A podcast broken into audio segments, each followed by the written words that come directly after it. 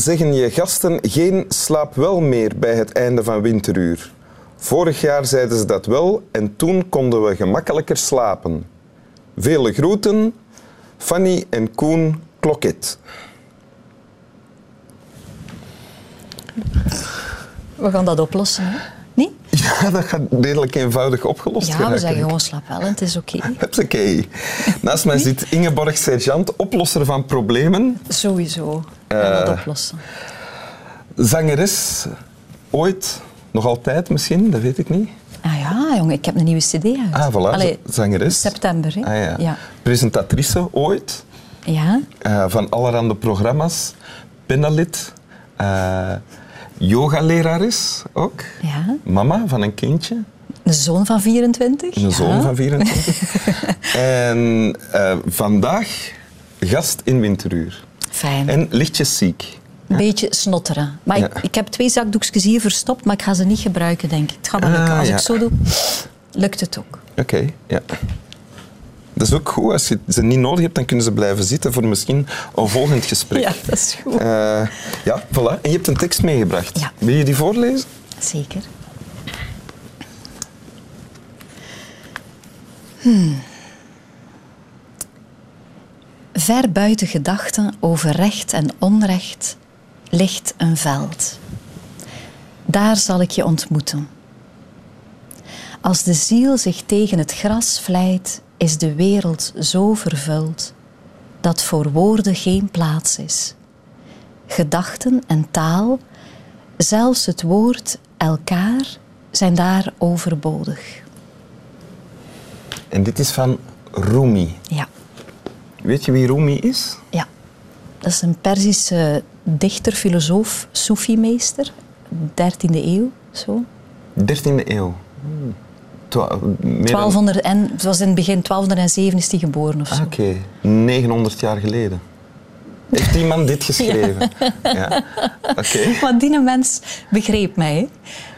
Die Allee. mens begreep u. En Dus- nu is het wachten op een volgende. Ja, dus, en ik hoop dat het Wim is. Dat, is, Ah. dat was mijn verborgen agenda om naar hier te komen. Ah, ik hoop zo Je dat Wim mij begrijpt. ja. we, we zullen samen proberen. Hè. ja, spannend. Zullen, zullen we de tekst daarvoor gebruiken als... Ja. eh, hou vast, ver buiten gedachten over recht en onrecht ligt een veld. Ja. Dus het, het veld, voor mij, is het veld waar we voorbij de dualiteit elkaar kunnen ontmoeten. Wat hij ook zegt. En elkaar, het woordje elkaar hoort er al niet bij, dat zegt hij later. Maar eigenlijk is het een soort veld van waar je één bent met al wat is. Met je goddelijke bron, met je ziel, de monade, de ziel van je ziel. Dus Je begon met iets te zeggen over dualiteit. Ja. Welke dualiteit? Wat bedoel je daarmee? man, vrouw, ja, nee, dag en nacht, eh, voor, tegen. Het hele verhaal hier in onze derde dimensie, waar we in grootgebracht zijn, waar heel veel mensen in denken. Dus eh, betekent dat ik, ik ben eh, iemand en jij bent iemand en ik kan nooit jou zijn en andersom? Mhm. Ja. Dat is dualiteit. Maar we zijn één. We zijn dat veld dat tussen onze cellen, de wetenschap is er ongeveer achter, dat er tussen de cellen ruimte is en dat die ruimte door jou heen en door mij heen en door dat kussen en de daar, hè, dat is één veld. En je kan daarin vertoeven als je voorbij de mind bent. Ja. En deze eh, tekst beschrijft die toestand of die ervaring Ja. van eh, eenheid. Ja. Mag ik het zo noemen? Ja. Waarom heb je dit gekozen? Omdat ik ehm, een beetje missionarisch ben. Oei, en to- toen ging de hond weg. Maar het is misschien wel relevant, want sommige mensen willen dit echt liever niet horen of zo. Sommige honden ook niet, blijkbaar. Maar doe maar verder. Maar ik wil gewoon heel graag dat ergens mensen het oppikken, dat er iets meer is dan wat we kunnen beredeneren, wat we emotioneel kunnen voelen. Ehm, voorbij de materie. Ik vind dat er veel te veel op televisie mensen blijven hangen in gesprekken voor tegen en dat er heel zelden aandacht is voor de mystiek. Want Rumi, dat is een mysticus.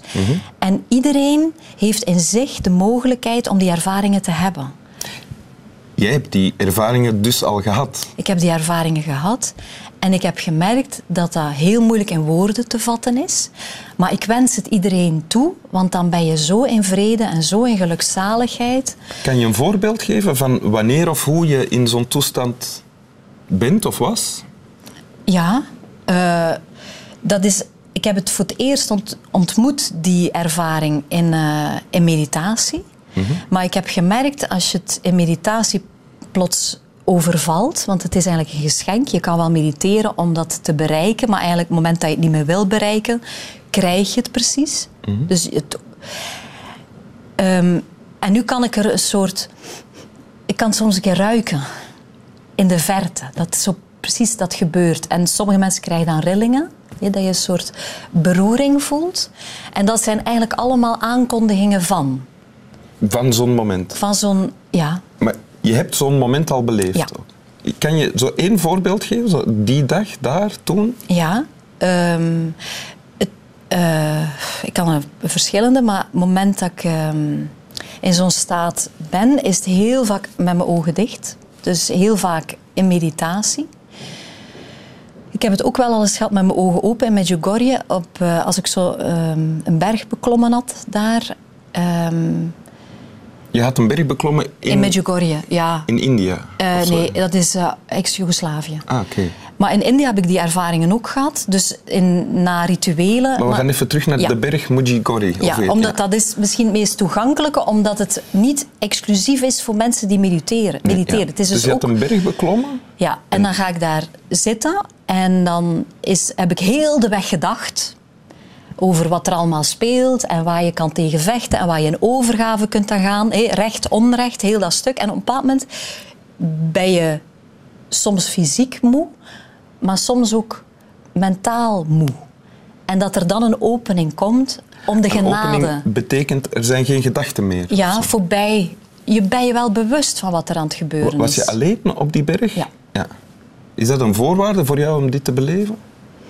Nee, ik denk niet dat er zoveel voorwaarden aan zijn. Dat het iets is waar je zelf kan ontvankelijk voor maken. En wat ik iedereen toewens, omdat we dan misschien gaan vrede hebben op aarde of zo. Mm -hmm. Vrede in onszelf, met alles wat er in ons leeft, omdat er geen oordeel meer is. En ook vrede in de ontmoeting met anderen of met mensen.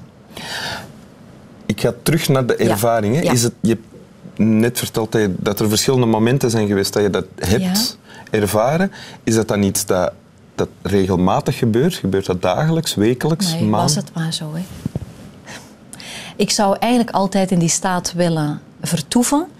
Um, maar ik merk als ik dat, dat verlangen heel sterk heb, um, dan ga ik heel veel mediteren en heb ik, ga ik eigenlijk uit contact zo. En contact zo is voor mij horizontaal contact. Je hebt verticaal contact, hè? dus dat Mhm. is dan met dat oneindige bewustzijn. Maar dan verlies ik dit contact. Met andere mensen? Met vrienden, geliefden.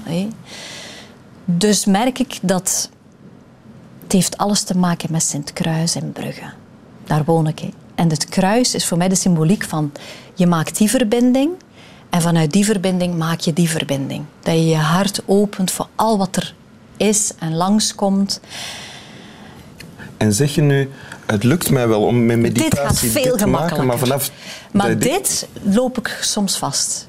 Dan sta ik daar en word ik gekwetst of niet begrepen. Of weet je wel, de hele top 40. Dat iedereen En ga je misschien denken, wel heeft. komen er veel te veel gedachten. Ja, dan ga ik vergelijken En, en, eh, ah, ja. en dan zit ik in het ego en dat is beperkt. en nu, op dit moment?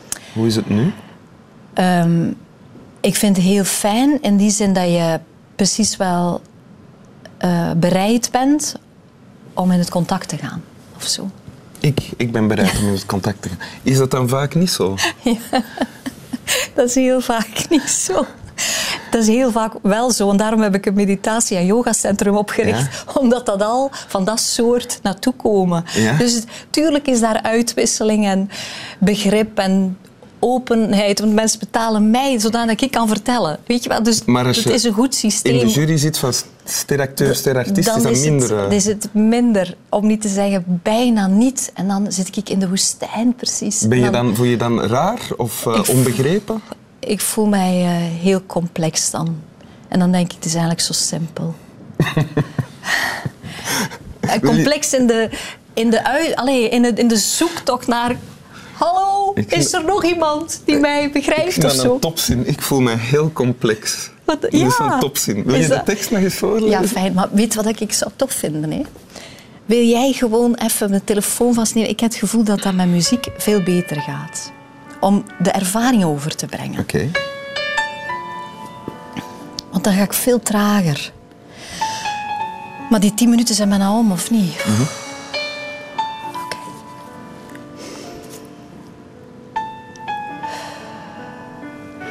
Ver buiten gedachten over recht en onrecht ligt een veld. Daar zal ik je ontmoeten. Als de ziel zich tegen het gras vlijt, is de wereld zo vervuld dat voor woorden geen plaats is. Gedachten en taal, zelfs het woord elkaar, zijn daar overbodig.